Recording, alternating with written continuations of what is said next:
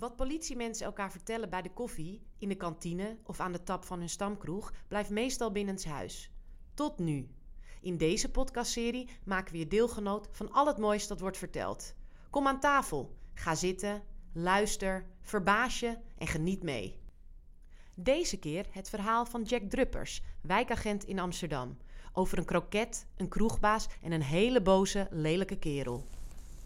Kijk, ik ben uh, geen held, hè. Nou, nooit geweest ook.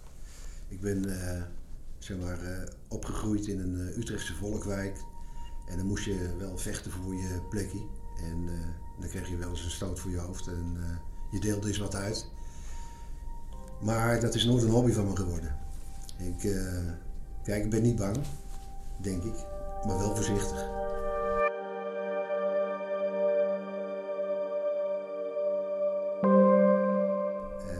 Ondanks die voorzichtigheid ben ik uh, toch politieman geworden.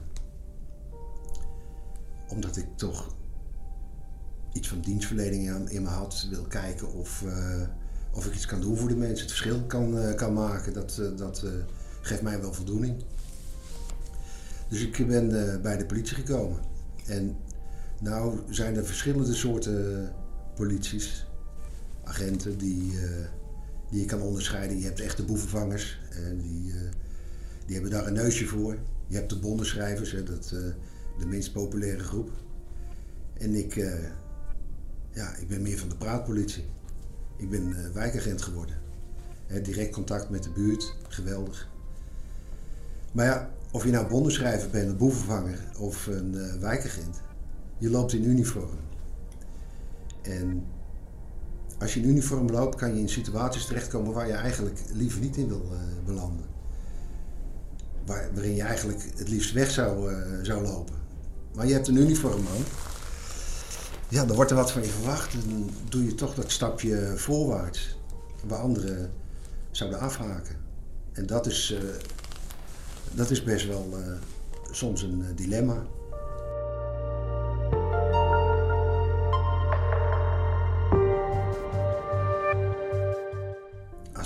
Kijk, zo'n, nou, misschien wel twintig jaar geleden, uh, was ik buurtregisseur, zo heette die functie uh, toen nog. Uh, ik had mijn rondje door de wijk gefietst. Ik was onderweg naar het bureau en ik zat me al te verheugen op de lunch.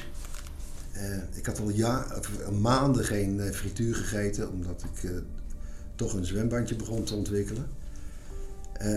maar die dag had ik gekozen, het was heerlijk lenteweer, om om te zondigen. Dus ik zat me al helemaal uh, te verheugen op een uh, dobbelkroket. Ja, was ook een van de veilige dingen die je in onze kantine kon nuttigen. Want uh, voor onze kantinejuffrouw was het koken van een ei al een uitdaging. En, en ik fietste over het Haarlemmerplein toen er een melding kwam dat er iemand een kroeg aan het verbouwen was. Op de plek waar ik aan het fietsen was. En ik kijk zo omheen, ik zie helemaal niks. En ik, ik had het nog niet gedacht of uh, er komt uit de kroeg daar komt een man rennen. En, uh, en die zwaait naar mij. Nou, ik wist natuurlijk al hoe laat het was. Ik had zin in een kroket. Dus ik zwaai terug. Toen begon hij nog harder te zwaaien. En ik keek nog achterom of er toevallig een, uh, een ander in uniform liep. Nee, hij moest echt mij hebben. Dus ik ga naar hem toe. En hij, die kroegbaas kende ik wel. En hij uh, zegt, Jack, Kees die is mijn hele kroeg aan het verbouwen. Hij is echt helemaal door het lint.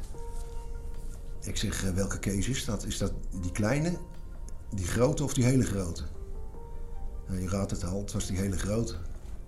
Dus ik vraag aan de meldkamer van, uh, gooi, heb je hier nog een post in de buurt? Want er staat een of andere Terminator hier een kroeg te verbouwen. En uh, ik heb echt geen zin om alleen naar binnen te gaan. Ik heb nog een verjaardag vanavond.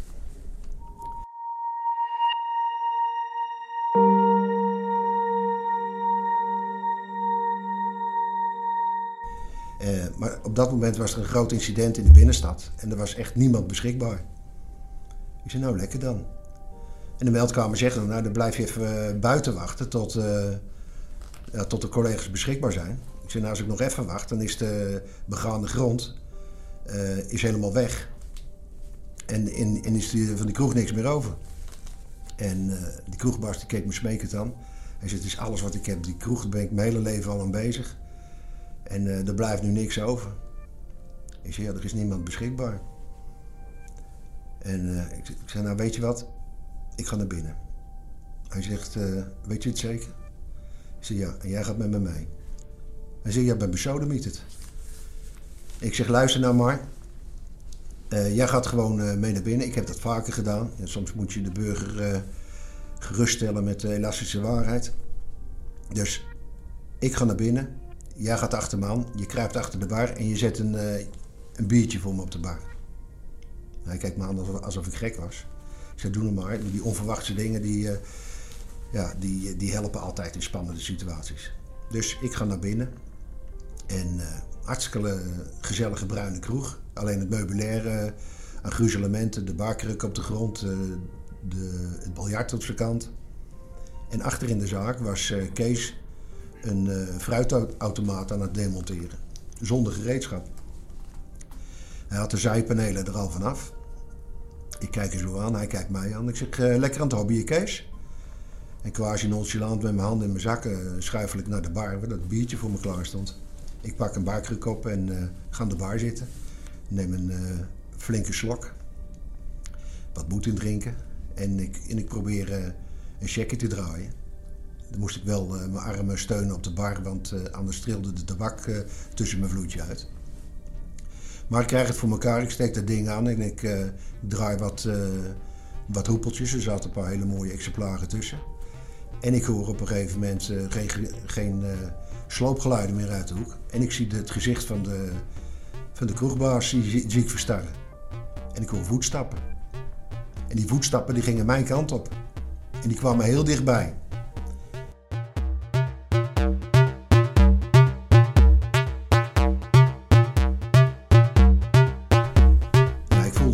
vlak naast me stond. Dus ik uh, draai me zo, terwijl ik nog een hoepeltje uh, rook uitblaas, naar hem toe. En er staat Kees. Enorme grote gast. Ik weet niet of je wel eens de Green Mile hebt gezien. Nou, dit was net zoiets, maar dan een uh, Germaans model. Helemaal onder de tattoos. Hij was een sportschooljongen die, die een cocaïneprobleem had. Helemaal onder de tattoos. Heel groot op zijn borst, moeder. Nou, dat vond ik al angstaanjagend. En hij buigt zich zo naar, naar me toe. En ik zit eigenlijk verstart op die kruk. Want een gevecht zou ik nooit, uh, nooit winnen. En we staan zo neus aan neus. En ik weet niet wat hij gegeten had, maar er kwam een putlucht uit. Ik werd er helemaal onpasselijk van. Maar ik zat te denken van uh, wat ik moest doen. Mijn eerste gedachte was eigenlijk mijn kroket. Daar had ik wel heel veel zin in. En dat stimuleerde mij om nog harder na te denken om uit deze situatie te komen. Terwijl hij zo in mijn gezicht uh, staat te briesen. Ik kon niet eens focussen zo dichtbij, want ik had, ik had mijn leesbril niet bij me. En ik zeg, Kees, wat ben jij lelijk van dichtbij? En hij deint zo terug. Ik zie zijn strakke relatie, ik ontspannen. Begint hij heel hard te lachen. Hij zegt, met jou ga ik wel mee, ik vind jou wel leuk. En hij slaat me heel hard op mijn schouder nog een week last van gehad. En uh, zucht van verlichting natuurlijk. En ik zeg tegen hem, nou Kees, dan heb je de primeur. Er zijn geen auto's beschikbaar. Dus je zou achter op de fiets moeten. Nou, vijf minuten later uh, slinger ik over de grachten met die gorilla achterop. En de velg uh, stuit het over de, over de keien. En ik ben naar het bureau gefietst en uh, heb me afgeleverd bij de hulpofficier van justitie. Ja, die Kees die zat gevangen die dag. Maar ik zat ook gevangen in een situatie waar ik eigenlijk het liefst had weggelopen naar mijn kroket toe. Maar omdat je dat uniform uh, aan hebt, doe je dan toch dingen die je normaal niet zou doen. Dus ook een beetje gevangen in het uniform.